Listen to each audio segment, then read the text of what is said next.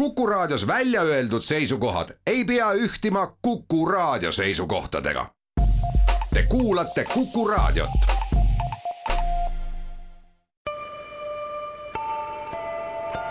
ilmaparandaja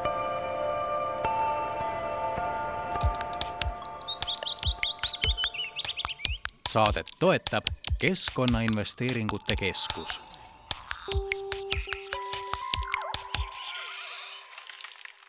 Tere, head Kuku raadio kuulajad, kell on mõni minut kaks läbi, on laupäeva pärastlõuna eetris, on selle nädala ilmaparandaja saade, mina olen saatejuht Mart Valner. tänases saates äh, läheme oma äh, juttudega äh, Nairobisse, nimelt märtsis, veebruaris-märtsis toimus siis Nairobis ÜRO Keskkonnaassamblee ja selle Keskkonnaassamblee ühe suure korraldamise või sai endale Eesti ettevõte Milton Events ja selle eest sai ka nüüd hiljuti just auhinna Kuldmuna, kõigepealt Milton Eventsi juht Lehari Kaustal on meiega stuudios, Lehari, palju õnne kõigepealt selle Kuldmuna eest! suur tänu, tegelikult me saime ühtekokku siis natuke täpsustaks kolm auhinda erinevates kategooriates selle sündmuse eest, see oli siis keskkonnadisaini valdkonnas, meedia PR-i valdkonnas, ürituse kommunikatsiooni ülesandest lähtuvalt ja siis promotsiooni valdkonnas et äh, meile anti kahes kategoorias siis selline eriauhind, üks äh, ekspordile suunatuna, üks mõjule suunatuna ja siis promotsiooni kategoorias autasestati meid ka väärilise kolmanda kohaga. ühesõnaga võib öelda, et äh, meie eestlaste poolt korraldatud suur Nairobi konverents läks hästi, on tunnustatud. räägiti seal, üks asi, mis on ka tegelikult meediast läbi käinud, on see, et vastu võeti üks uus kokkulepe plasti vähendamise osas, kindlasti ka suuresti pärast seda läheb fookusesse nüüd tekstiili vähendamine ja teine külaline täna meil ongi äh,, ma nüüd ei oskagi öelda, tekstiilikunstnik ja kogu selle valdkonna üks Eesti äh, esimesi kõneisikuid, Reet Ahus, Reet, tere päevast! tere! no Reet, teie ise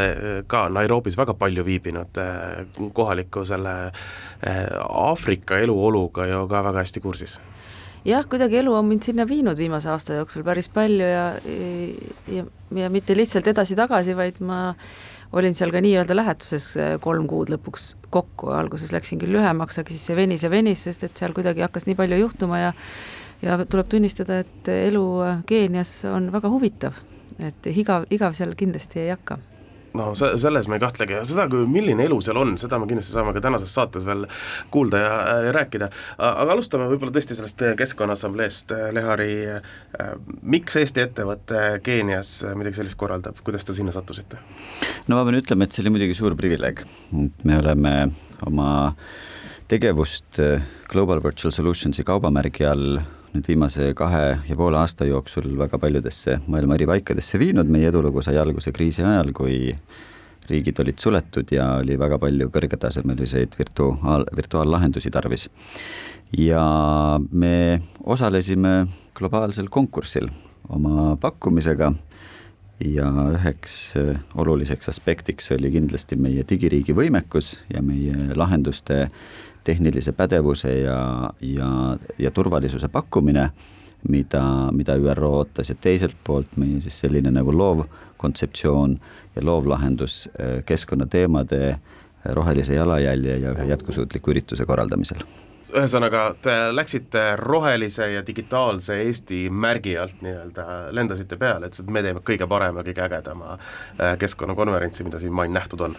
nii see oli ja ega peab tunnistama, et eks see võidurõõm ja ootamatus oli muidugi nagu suur, et äh, loomulikult me olime selleks kõigeks valmis, aga, aga noh, me teadsime, et sellise ürituse puhul on kindlasti ka konkurss nagu väga suur, nii et see, et Eesti sellist asja sattus korraldama,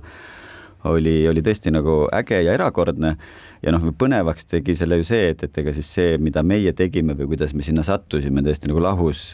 selle sisulise tööga, mida, mida Eesti ÜRO keskkonnaprogrammi juures teeb ja, ja, ja, ja seejärel, kui see nagu ilmsiks tuli, et Eesti ettevõte võitis ja see, kuidas me seal siis koos kohapeal tegutsesime, oli omamoodi põnev, et loomulikult me elasime nagu olümpiamängudel Eestile kaasa, sest noh, Eesti juhtis näiteks kõige olulisema deklaratsiooni läbirääkimisi sellel üritusel koos Pakistaniga. ja, ja üks punkt seal näiteks puhas keskkond mis on inimõigus, oli, oli väga oluline, see võeti edukalt vastu. ja loomulikult siis meie saadik Ado Lõhmus ja erialadiplomaat ja kõik, kes seal olid, et siis noh, me nagu elasime neile kaasa, nemad siis omakorda elasid nagu meile kaasa, et peaasi, et nagu midagi tuksi ei läheks, sest noh, loomulikult kui tekib mingisugune tehniline viperus või see oli väga-väga keerukas üritus, millest võib siis nagu tehnilisest vaatenurgast nagu eraldi rääkida, aga et, et, et siis noh, nemad nagu omakorda hoidsid sellele pöialt, et peaasi, et see nüüd nagu Eesti maine hästi välja kanduks ja üritus nagu, nagu edukalt saaks sooritatud ja meie siis omakorda hoidsime pöialt, et Eesti saaks edukalt nagu läbirääkimised lõpuni viidud ja mõlemad õnnestusid. see on äh, absoluutselt, äh, kuulge, aga rääkige mulle, äh, Reet, te olete Keskkonnaassambleel, ma saan aru, et mitte nüüd seekord, aga varasemalt ikkagi osalenud ja, ja no Lehar, teie olite seekord seal kogu selle korraldamise juures äh,. inimesena, kes ei ole osalenud Keskkonnaassambleel ja nagu enamik meie kuulajaid, mis seal toimub siis, kuu aega äh, suurt äh, ja pikka läbirääkimist omavahel või, või kuidas see täpsemalt välja näeb? ja noh, mina osalesin seal kolm aastat tagasi Nairobis sel samal ÜRO Keskkonnaaassambleel, kus, kus ei jõutud siis tegelikult sellesama, nende samade kokkulepeteni, milleni seekord jõuti. ja olin ka valmis see aasta seal osalema, aga tänu pandeemiale, tänu sellele, et just seal arvud igal pool hakkasid üles minema, siis viimasel hetkel otsustati see aasta, seekord teha ta kinnisena, nii et ta tõesti väga suuresti äh, tänu siin äh, teie panusele, eks ole, ju üldsegi igale poole laiali jooksis, tegemist oli ju kinnise üritusega ja, ja toimusid ka ainult läbirääkimised ja väga paljud neist just nimelt videosilla vahendusel, on ju. Aga noh, tegemist on siis äh, tõepoolest, nagu Lehar ka enne ütles, maailma kõige suurema sellise keskkonnaassambleega, kus tulevad kokku kõikide riikide keskkonnaministrid ja proovitakse siis sellisel rahulikul diplomaatilisel moel kõik asjad läbi rääkida. ja, ja noh, käis ka läbi nimi Aado Lõhmust siit, on ju, tema võiks pikalt rääkida, mida see protsess või selle protsessi juhtimine tegelikult reaalsuses tähendab, kus sa pead tõepoolest kõik ära kuulama ja suutma kõikidega nagu sinna ühele poole lauda saada, et et mina mäletan sellest kolme aasta tagusest ajast, kus, kus kus tõepoolest need tööpäevad venisid seal noh, ikkagi järgmise hommikusse tihtipeale, et ega enne toast välja ei minda või ruumist, kui, kui, kui mingid otsused on vastu võetud. ja tihti ongi nii, et ei jõutagi selle ühise arusaamiseni või, või noh, mida ka tõepoolest üheks suurimaks võiduks ju see, seekord peeti, on seesama, et puhas keskkond on inimõigus kui nagu mõelda, noh, see on nii iseenesestmõistetav, aga sellist kokkulepet meil äh, planeedil Maa siis varemalt pole olnud, on ju, ja, ja sellest tingituna ma arvan, on, on nagu väga lihtne väga paljusid asju, mida me ühte või teistmoodi oleme siiamaani teinud, küsimärgi alla seada. sest praegu noh, me ei saa seda öelda, et, et seda inimõigust oleks täidetud kõikidel, kõikides piirkondades äh, meie koduplaneedil. Ja selle ürituse juures nagu sellises mastaabis ikka on väga palju väljakutseid, väga kõrgne diplomaatiline tase, järgida protokolli, äh, väga kõrged tehnilised ja turvanõuded ja loomulikult kogu maailma meedia kes on ju sel hetkel kohal ja tahab seda kõike nagu kajastada ja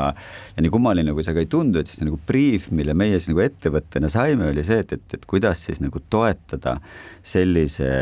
olulise teema elluviimist. piltlikult öeldes, kuidas mõjutada veel viimase hetkeni neid saadikuid ja diplomaate, kes seal nagu kohapeal on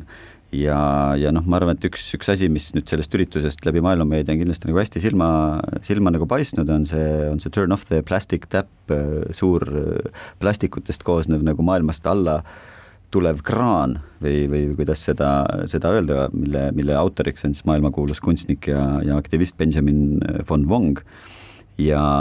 ja ega, ega sellise ürituse puhul mõtled asjad läbi,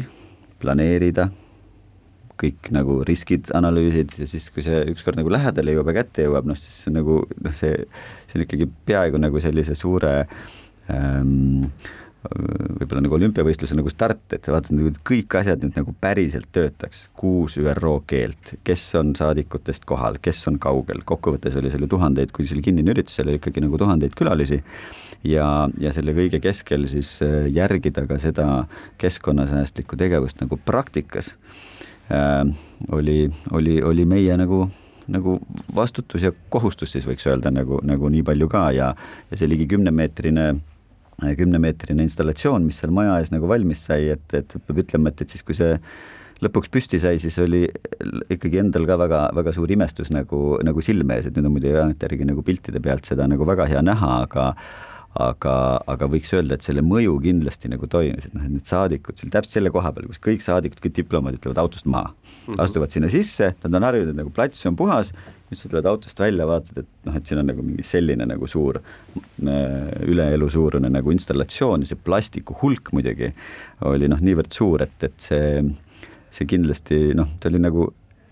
äge ja õõvastav korraga no ma eeldan, et, et see, see plastik oli ikkagi kõik juba niisugune taaskasutatud ja kuskilt kokku korjatud ja ja selle, selle, selle aktsiooni kaudu oli isegi võimalik äh, slummi inimestele natukene tööd pakkuda, et see oli kõik üks niisugune suur ühisaktsioon, mis seal, mis seal toimus, nii et selles mõttes läbi sellise jah, taaskasutuse mõte ja, ja, ja, ja,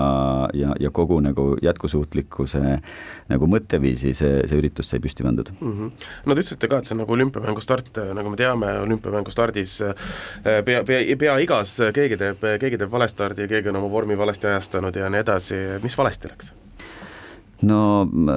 mul on hea meel öelda, et midagi ei läinudki välja valesti, et kõik need asjad, mis valesti olid, need õnnestus äh, meil siis eelnevalt niimoodi paika seada, et äh, et, äh, et see töö ja tulemus nii selle üritusele koha peal kui ka siis kõik see, mis meediasse läks, oli nagu puhas, aga noh, ma ei tea, võib-olla mingitest seikadest on nagu vahva rääkida, et noh, üks osa selle töökorralduse juurde sellel aastal, kuna oli ühtlasi tegemist ka nagu UNEP-i juubeliga, siis äh, kohapeal oli president Kenyatta, Keenia president. Ja selle ühe tseremoonia ettevalmistamise käigus, no siis me pidime nagu presidendi kantseleiga ka koostööd tegema, sellepärast et kogu see tseremoonia tuli ühises ettevõtmises nagu kokku panna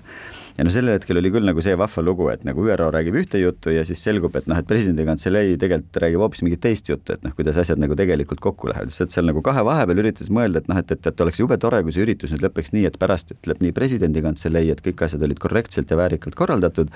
kui ka siis ühtlasi nagu tegelikult noh, meie nagu tööandjaks oli ju äh, ÜRO keskkonna, keskkonnaprogramm. aga neid pilte, mis äh, sellest äh, meediasse lõpuks jõudsid, kuidas äh, meie poolt siis kokku äh, lavastatud kohalike kooride ja, ja kohalike esinejate muusikaprogramm oli põimitud siis sellesse tseremoniaalsesse tervikusse, kus, kus oli väga palju sõnavõtte ja see tagasiside, mis äh, president Kenyatta meeskonnalt oli tulnud, et kuidas kõik oli nagu väga sujuv olnud ja kes seda ikka sellel aastal kõik korraldas, noh, neid sõnu oli siis pärast tagantjärgi ÜRO kaudu väga meeldiv kuulda, aga selle ettevalmistuse käigus arvestades, kui palju noh, asjad võivad ka muutuda meil siin riigis, näiteks presidendi liikumise ja tulemise ja liikluse ja, ja noh, tema päevakavaga, noh siis võite nagu arvata, et Aafrikas see kõik on mm -hmm. nagu kümme korda hullem. Ja see ometigi peab kõik lõpuks kokku kõlama ja kokku jooksma niimoodi nagu, nagu, nagu sujuvalt ja, ja, ja minuti pealt. ilmaparandaja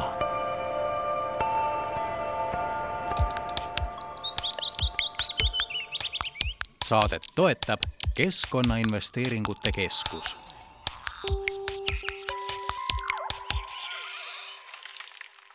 Jätkame ilmaparandaja saadet, mina saatejuht Mart Valner, minuga koos siin äh, Milton Eventsi tegevjuht äh, Lehari Kaustel ja äh, tekstiilikunstnik Reet Aus, teemaks ÜRO Keskkonnaassamblee Nairobis. Ja sellega seoses ka võib-olla räägiks natuke täpsemalt ka Aafrika eluolust ja kultuurist. tänan, Reet, olete Aafrikaga väga palju Aafrikas tööd teinud ja, ja, ja seal olles äh, ka äri ajanud ja, ja te teate, mis seis seal on. kas, kas on, äh, see on võib-olla niisugune eestlaslik vaade, eks ole, et noh, seal on kõik korrapäratu ja segane ja, ja, ja noh, loomulikult prügine ja vaene ja nii edasi, kas see tegelikult ka on selline? Noh, see on väga lihtsustatud äh, vaade muidugi, e, ega seal on kultuuriliselt kindlasti teistmoodi väga erinev ja aga noh, mul on võimalus seda kõike ju siin veel võrrelda näiteks Bangladeshi või Indiaga, kus ma ju ka pikalt ja palju tegutsenud olen ja, ja ka äri teinud, et ma ütleks, et äh, et Aafrika on kergem kui India ja keerulisem kui Bangladesh, et ta jääb sinna nagu vahele, kui, kui, kui see kellelegi midagi ütleb. et ähm, aga seal noh, mingis mõttes on asjad üsna selged ja läbinähtavad, nad äh, Nad on nagu mõistetavad, eh, nad on arusaadavad, eh, nende töökultuur on hoopis teistsugune, et kui eestlane on niisugune, et ta astub ruumi ja hakkab nohisedes asju tegema, siis eh, ja teeb nad üsna ruttu tavaliselt ära, siis no neil võtab kõik väga palju kauem aega ja see kõik käib niisuguse laulu, tantsu ja, ja, ja, ja, ja tohutu sotsiaalsusega. Et see on üks asi, mis, mis kindlasti on väga teistmoodi ja mis, millega harjumine võtab aega. ja seda sellist tegevust nagu üleval hoida, noh, see on nagu üks, üks osa kohapealse kultuuriga nagu töötades, et noh, kui sa ütled, et lepime kokku, et teeme nüüd selle asja lõpuni, viis minutit, aga noh, Aafrikas on tavapärane, et sa tuled siis tagasi ja see, seda tegevust pole veel alustatudki.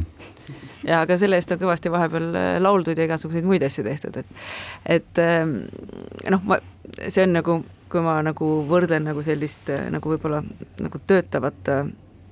töötavat, lihtsalt nagu lihtsamalt töötavat inimest. Äh, tegin, tegin seal ja meil ka koostöö jätkub Moi ülikooliga, Eesti Kunstiakadeemia ja Moi ülikool on sõlminud omavahel pikemaajalise koostöölepingu. ülikooliga see koostöö, ma ütleks, sujus su-, on sujunud ja, ja loodetavasti ka edasi sujub üsna kenasti, sest et sealne töökultuur on ikkagi väga sarnane Euroopa töökultuurile, et ega seal väga suurt erinevust ei ole. üks asi on, millest ei saanud alguses täpselt aru, mis lõpuks nagu, millest ma lõpuks siis nagu ennast läbi kabetasin, mis on hästi sarnane ka tegelikult sellisele noh, India, Bangladeshi nagu sealpoolsele kultuurile, et negatiivset äh, tagasisidet on neil väga keeruline anda et alati kõike saab, kõik on alati hästi, aga siis, kui saabub vaikus, siis see on tegelikult märk sellest, et midagi on nagu justkui kehvasti. et siis tuleb hakata nagu, siis tuleb kohale minna. et, et see on küll noh, sinna minnes on hea seda teada. ja eks noh, lõppkokkuvõttes on, on niimoodi, et neil on nagu väga suur surve ennast näidata paremast küljest ja võib-olla vahest natuke liialdada positiivselt nende asjadega, mis mis võib-olla nii hästi pole, aga, aga tegelikult ega see reaalsus on seal noh, kui ma mõtlen lihtsalt oma nende tegevuste peale, mida ma mida ma selle aja jooksul seal teinud olen, siis äh, need kõik on tegelikult lõppkokkuvõttes väga kenasti sujunud, isegi paremini sujunud, kui ma oskasin kuidagi eeldada või, või lootagi. ja lihtsalt see nagu natuke meenutab niisugust üheksakümnendate Eestit kus on nagu paras kaos, kõik tahavad äri teha kõik on nagu kõigeks valmis ja noh, kogu aeg sa pead ikkagi natukene vaatama oma sellise nagu vasaku silmanurgaga, et tegelikult kõik tahavad sul ikkagi tõmba-, natukene noh, tõmmata nahku üle kõrvade, mitte niimoodi, nagu need noh, a la Indias seda tahavad teha, et kõik, vaid noh, kuskilt saab ikka natukene nagu siit saab kakskümmend eurot näpistada ja sealt, et niisugune nagu sellist pisisulindust mingis nagu kummalis-, noh, mis on niisugune, mis sind ajab lihtsalt naerma, sest et see on nagu niisugune nagu ma ei oskagi, see on nagu lihtsalt, see on nagu, nagu piiride katsetamine, et, et, et kui pehme sa oled või ka palju sa annad ära või kus nagu sinu need piirid on, aga ma arvan, et see on niisugune tavapärane sellise noh, meie üheksakümnendate Eesti minu arust oli täpselt samasugune, ega noh, ma olin siis küll noor ja nii ise siin kõvasti ettevõtlus ei tegutsenud, aga mulle nagu tundub, et see, et see meeleolu on hästi sarnane seal praegu. Ma arvan, see paralleel on väga õige ja, ja see, et kõike saab, on, on tõesti nagu selline valdav meeleolu igal pool, aga, aga igal asjal teatud kontroll, et see asi päriselt mingisse kvaliteedipunkti jõuaks, see on, see on päris tugev väljakutse noh, ja teine asi on ka see, et igal asjal on hind, et see on nagu täitsa müstika, see on mille, mille meie oleme juba ära unustanud. et, et noh, meil on ikkagi nii, et, et, et sinu nagu sinu nagu tegelikult edu sõltub sellest, palju sul on telefoninumbreid, kellele helistada et seal sellest ei piisa, seal äh, nagu järgmine samm sellest on veel see, et, et sul peab olema ka mingid need teatud summad, et, et seal reaalselt ongi no minu arust kõige parem näide ja kohutavalt naljakas näide sellest on, kuidas seal nagu liikluses, liikluspolitsei töötab. et kõik trahvid, mis korjatakse hommikul enne kahtteist, lähevad ülemusele ja kõik trahvid, mida siis liikluses olev politseinik kogub peale kahtteist, peale keskpäeva, lähevad siis temale, et noh, selles mõttes kõik on ilusti ära jaotatud et on nagu vendlus ja võrdlus. Süsteem toimib. ja, ja, ja kõik, kõik on, kõik teavad, et see nii on, kõik on sellega leppinud ja noh, seal on kõik niimoodi reguleeritud ja see vahest on see lihtsalt sa saadki aru, et sa, et sina nagu sissetulijana, sa tegelikult sinna süsteemi mitte iialgi niimoodi sisse minna ei saa, sest mingil imelikul moel äh, sinule need reeglid justkui ei kehti ja siis ongi väga keeruline vahest nagu väljaspoolt tulijana mingitesse kohtadesse jõuda, sest et ametlikke radu pidi on praktiliselt võimatu seal midagi teha. ja, ja nagu tabada need hetked ära, et mis hetkel on nüüd nagu noh, tarvis midagi kas üle rääkida või täpsemalt nagu läbi rääkida, sest kõik on ju muutuses, noh, algselt lepiti kokku üks hind, pärast selgub, et aga tegelikult sellega kaasneb mingi muutus või mingisugune lisa ja, ja seda kokkuleppel on ka oma hind ja just, et seda peab nagu kogu aeg jälgima ja kui on noh, mingi selline töö, kus sul on ikkagi mingi väga kindel nagu tähtaeg, kus asjad peavad valmis saama, siis noh, tuleb kogu aeg silmad, kõrvad ja käed kõik lahti hoida aga äh, vähemalt äh, seal saite valmis, mitte nüüd teie, aga ÜRO sai valmis, eks ole, plasti vähendamise otsusega, sai valmis sellega, et puhas keskkond on inimõigus otsusega, mis on äärmiselt oluline, ma nüüd ei ole küll kindel, kas see juriidiliselt kuskil mõnes kohtuasjas midagi nagu päde-, pädeb või, või kuidagi aitab. aga liikudes nüüd sealt edasi selle nii-öelda tuleviku poole ja vaadates, et plastist saame lahti, järgmine on tekstiil, eks ole, neid seob omavahel väga tugevalt, eks ole, see mikroplasti osa, mis on ka ju suur osa plastist ja millest viimased aastad on aina rohkem rääkima hakatud, ja, ja, ja mõnes mõttes me jõuame ka võib-olla sinna, mina oma mõttega vähemalt, et Reet, te ütlesite ise ka, et äh, meil on nägemus näiteks probleemidest väga erinev, kompromissi koha leidmine väga erinev üle maailma, eks ole, et eestlase jaoks või, või ütleme, põhjaeurooplase jaoks äh, plast ja tekstiil ei ole probleem, sest noh, me, me ei näe seda nii, sellise probleemina, me ei näe, kuidas see ladestub, eks ole, Aafrikasse kuhugi. Nende jaoks on needsamad asjad hoopis teistsugune, teis-, teise tasemega ja palju äh, käega katsutavam probleem, meie lihtsalt räägime sellest, et noh, võiks hakata kah liigiti koguma, eks ole, mis nüüd Euroopa Liidu direktiivina varsti äh, kohalikud omavalitsused tegema peavad hakkama. Äh,, mis või, või kuhu me jõuame, et mis tasemel see probleem siis seal kohapeal vaadates on, kui me räägime nüüd näiteks tekstiili teemas, et miks, mis on see probleem, mida me nüüd lahendama peaksime hakkama järgmisena? see, sellega on niimoodi, et äh, meie siin Euroopas või noh, tegelikult saamegi rääkida siis sellest väikesest osast äh, planeedi, planeedi elanikkonnast, kes on siis see selline edumeelne tarbija, et kellel üldse on võimalus tarbida, on ju et äh, noh, üks põhjus ka, miks, miks ma pikemalt seal mm, Keenias olin, oli see, et me Jaak Ilmiga hakkasime tegema uut dokumentaalfilmi ja keskendumegi just nimelt sellele teemale, milleks on siis tarbijärgsed jäätmed, tekstiilijäätmed, ehk siis meie kasutatud rõivad. sest et äh, seesama direktiiv, mis on tulemas ja seesama nõue, et kõik Euroopa liikmesriigid peavad hakkama tekstiiliprügi eraldi sorteerima ja koguma ja ringlusse suunama, mis on väga oluline, praegu me ei suuna teda eriti siin ringlusse ja see on meil, meil on siin väga marginaalsed protsendid. no väga hea, no ümbertöötlus see läheb meil null protsenti, on ju, et Eesti on nagu erakordselt maha jäänud isegi Euroopa kontekstis oma, oma nende numbritega ja, ja tõenäoliselt mitte kuidagi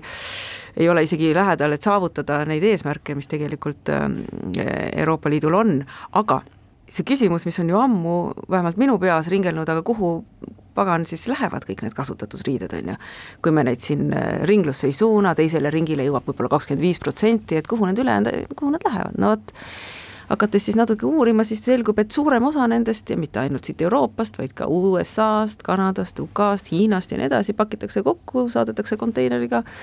eh, Aafrikasse. Ja üks eh, selliseid suuremaid, mm, suuremaid sadamaid, eh, kuhu see siis maandub, ongi seesama Keenia ja, ja sealt nagu Nairobisse, kus on siis kõige suurem selline nagu äh, second-hand market, eks ole, või nagu see, see turg ja,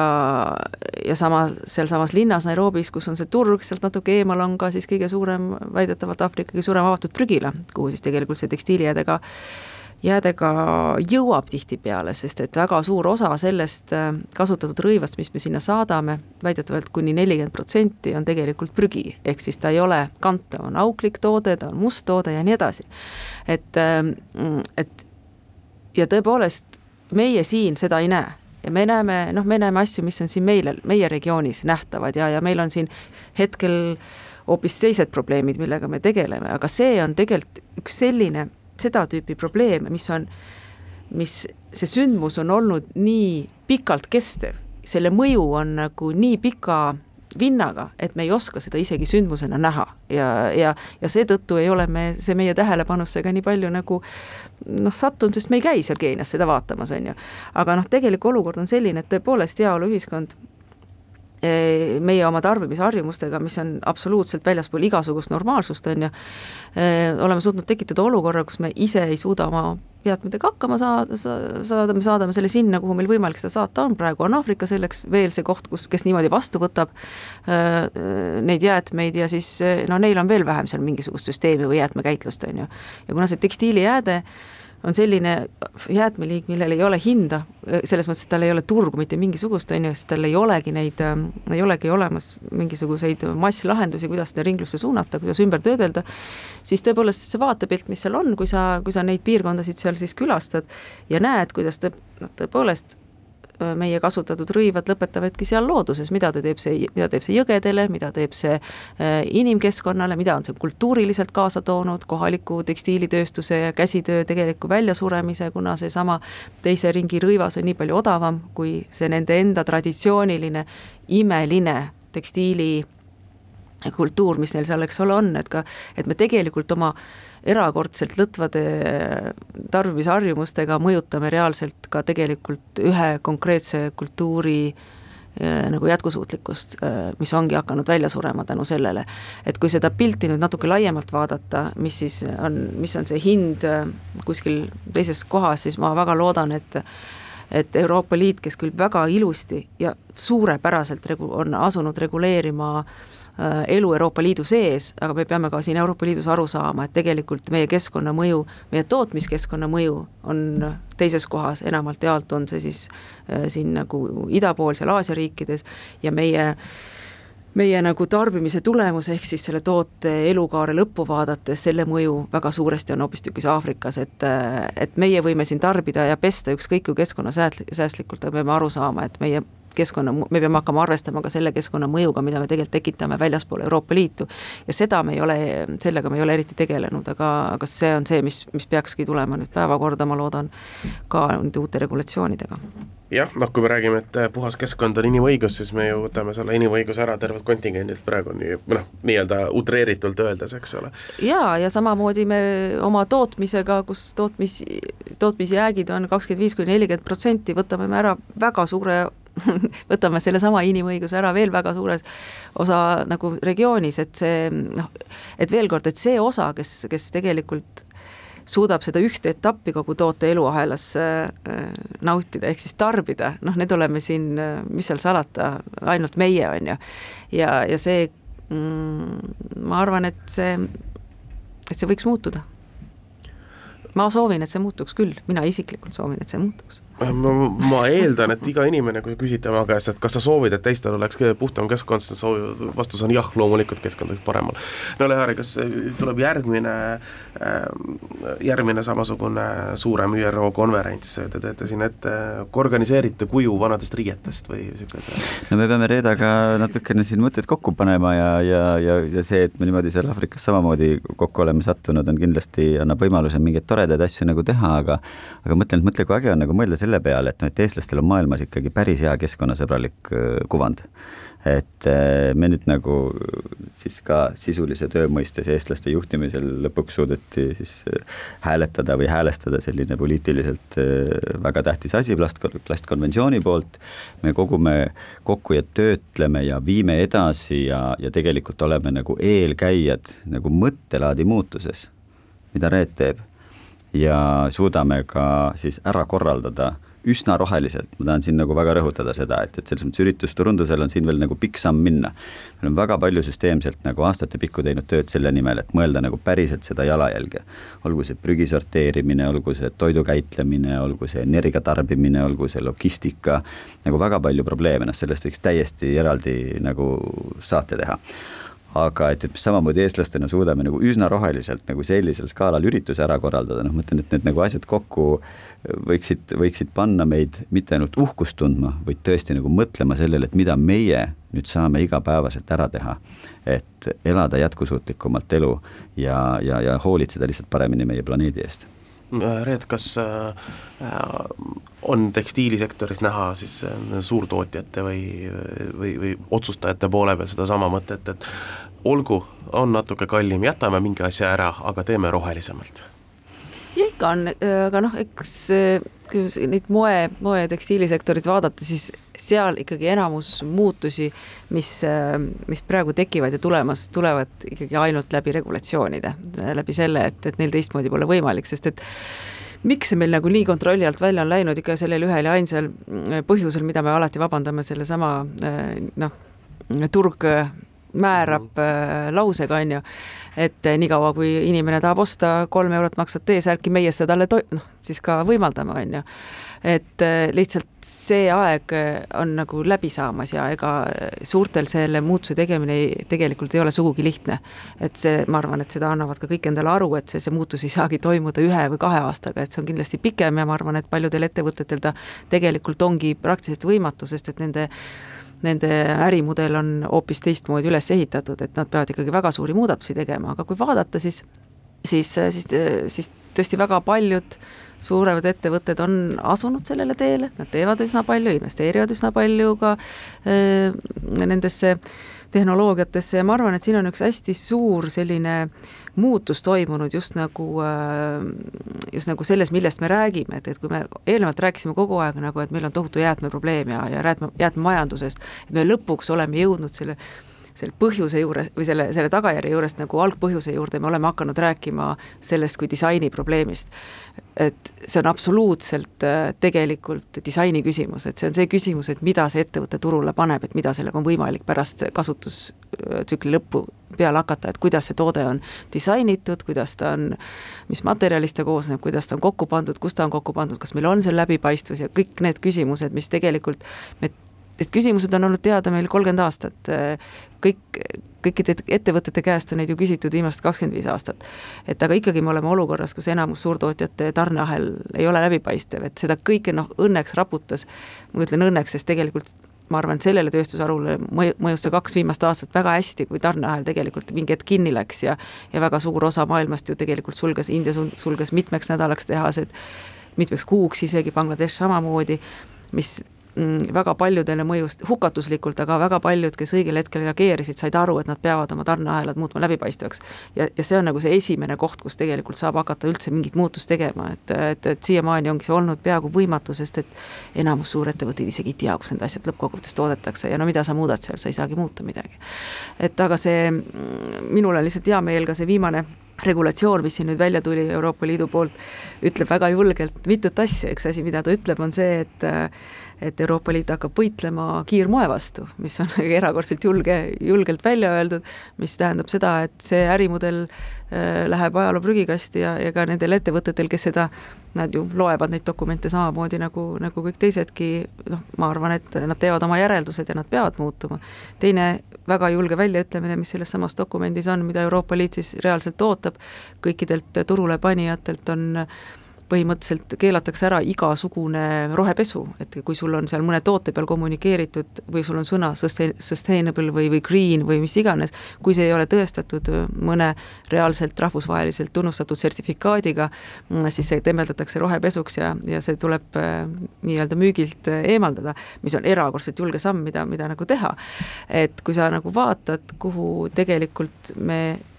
kui jõuliselt on hakanud Euroopa Liit ettevõtlust reguleerima, siis noh, neil ei ole muud varianti ja, ja, ja seda on näha, et see, see toob endaga kaasa teatava määra, määral nagu ikkagi ohtralt paanikat, mida on, mida on hoomata, aga samas ähm, lööb, loob jälle ideaalse pinnase innovatsiooniks, muutusteks ja, ja, ja ma arvan, et kui seda niisugust meeldivat survet äh, hoida siin üks neli-viis aastat, siis, ähm, siis see kõik saab juhtuda isegi kiiremini, kui, kui me julgeme loota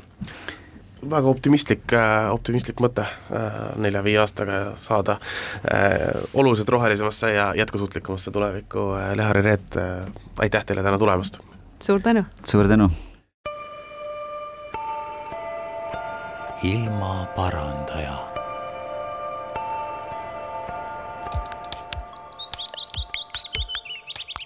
saadet toetab Keskkonnainvesteeringute Keskus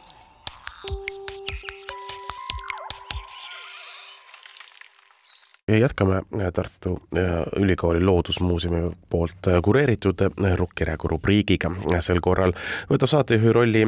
harrastusteaduse peaekspert Veljo Runnel, kes on ka ilmaparandaja kuulajatel väga hästi tuntud saatekülalised on Tartu Ülikooli Loodusmuuseumi botaanikaaia direktor Urmas Kõljalg ja Loodusfestivali kuraator Margus Kasterpalu. Nad vestlevad teemadel nagu Loodusmuuseumi kahesaja kahekümnes pidunädal, Loodusmuuseumi minevik, olevik ja tulevik. ilusat kuulamist.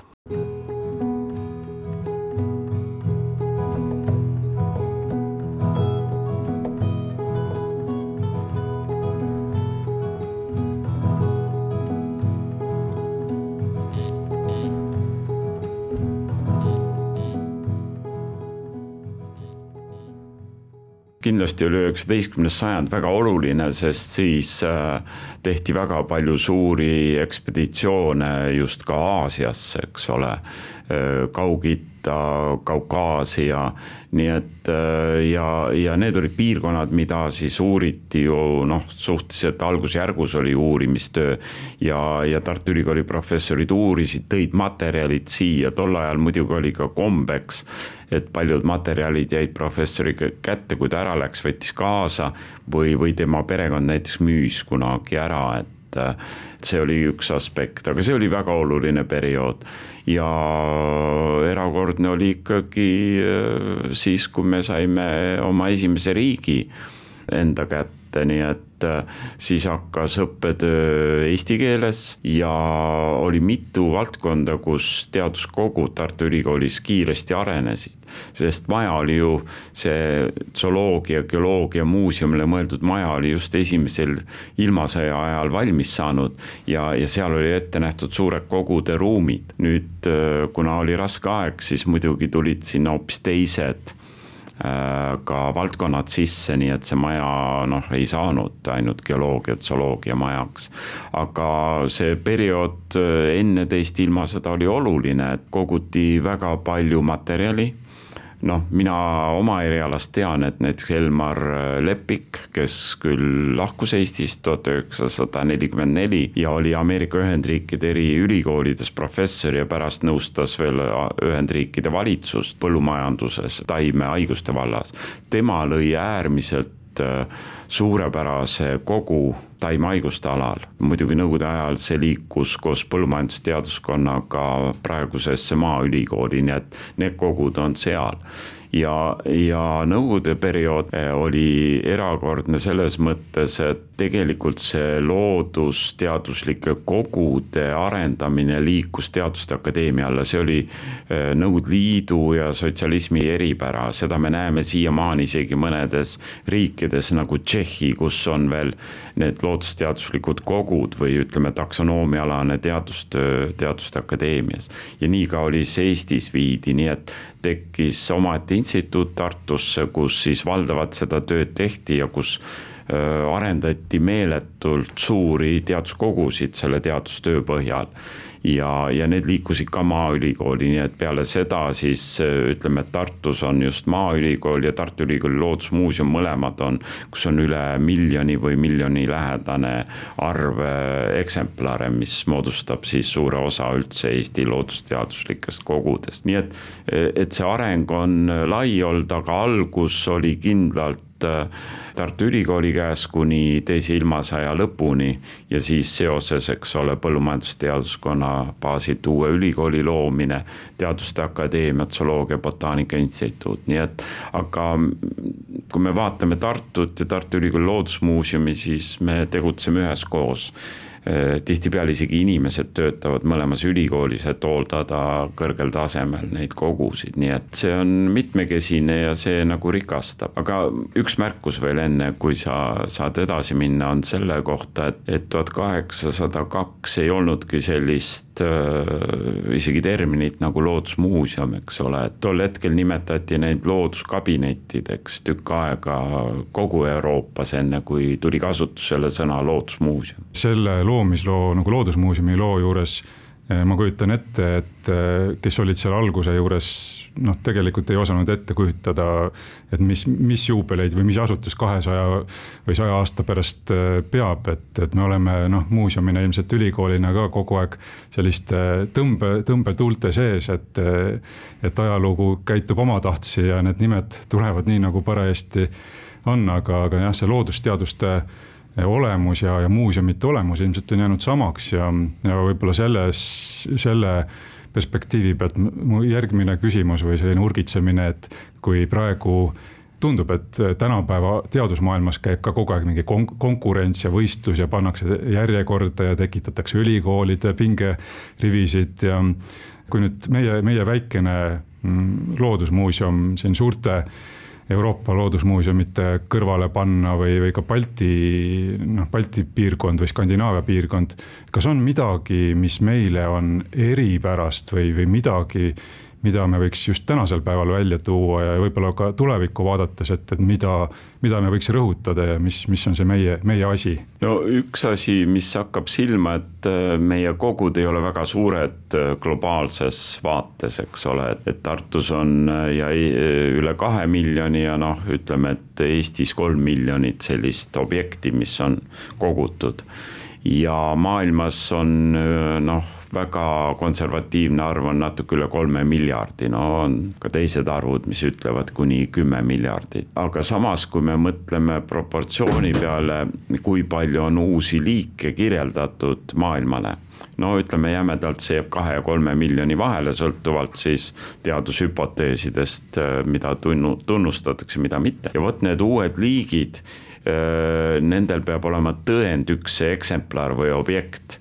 avalikus loodusmuuseumis kui seda ei ole, siis tänapäeval ei ole võimalik uut liiki teadusele kirjeldada, eks ole. ja see on üksainus objekt ja, ja nüüd Äh, proportsioonid on selles mõttes nagu meie jaoks äh, unikaalsed siin ka Tartu Ülikooli Loodusmuuseumis, et meil on proportsionaalselt päris palju neid objekte võrreldes maailmaga. et meie kogud on väiksemad võib-olla maailma mastaabis, aga proportsioon, kus meil on seda kõige olulisemat materjali, on ikkagi rohkem proportsionaalselt. see on võib-olla üks asi, mis hakkab silma, see tähendab siin on sellist loodusteadusliku kogu baasil tehtud tippteadust rohkem kui keskeltläbi maailmas. Balti riikide mõttes oleme me ikkagi väga suured ja ja noh, selles mõttes esinduslikud, aga võib-olla üks teema, see on nüüd tuleviku teema rohkem ja oleviku ka, on ikkagi digitaristu või ütleme, et siis need digitaalsed objektid ja digitaalsed liigid ja sellega seotud äh, arendustöö ja teadustöö, et see on meil hästi tugev, et siin kindlalt me oleme äh, nähtavad globaalselt ja pakume ka teatud siis teenuseid kogu maailmale. ja maailm kasutab seda, nii et see e-lugu on ka siin väga tugev maailmas. ma saan aru, et need kaks asja ongi kuidagi omapäraselt seotud seesama pikk ajalugu ja siis praegune võimekus äh, seda uute kaasaegsete vahenditega vaadelda ja kirjeldada, et sada viiskümmend aastat tagasi kogutud ja paberi vahele pandud äh, taim herbaariumis ei ole lihtsalt üks kuivanud taim, vaid praegu saab sealt igasuguste analüüsidega tegelikult kätte kõik need asjad, mida see koguja ei osanud üldse ettegi kujutada. nii et tegelikult see mind hämmastas, äh, kui ma sellest Loodusmuuseumist natuke rohkem aimu hakkasin saama, et, et tegelikult jah, need, need kõikvõimalikud digianalüüsi meetodid, mis tänapäeval on olemas, lasevad selle andmebaasi või nendest, nendest konkreetsetest materjalidest koostada selliseid aegridasid ja andmebaase, mis, mis on tulevikku suunatud. Margus, ma tahtsingi järgmise küsimusega sinu juurde tulla, et äh, rääkides muuseumi olevikust ja tulevikust, kuidas muuseum kõnetab nii-öelda tavalist inimest, kellel ei ole eriharidust ja ja kes, kes saab võib-olla oma info meedia kaudu meie, meie suure juubelinädala ja juubelisündmuste noh, selle, selle vaatevinkli kaudu, et kuidas sa oled nüüd kogenud, kas see suur meelelahutusvajadus, mis inimestel on, kas me peame sellele alluma ja tegema muuseumist nagu sellise ka osalt meelelahutusasutuse või on siin mingisugused alternatiivid või kompromissid? nii keeruline küsimus et, et sellele otsivad vastused kõikide muuseumite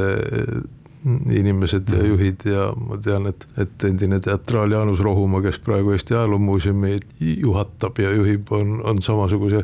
küsimuse ees, et, et kuidas siis sellest Eesti Ajaloomuuseumist, millel on, ma ei tea, neliteist maja või, ja, ja teemasid jalaga segada, mis, mis seal on siis sellise kogumise säilitamise ja, ja siis eksponeerimise ja, ja populariseerimise vahekord, et kuidas seda, kuidas seda niimoodi niimoodi tasakaalustada, et üks teist ära ei sööks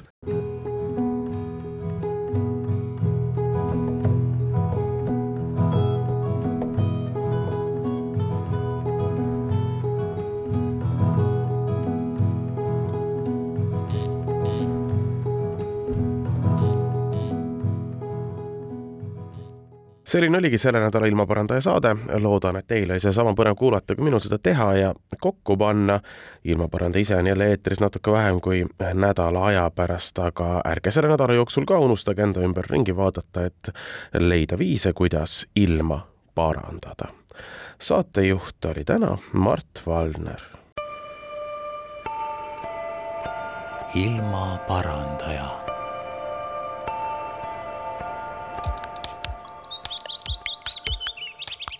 saadet toetab Keskkonnainvesteeringute Keskus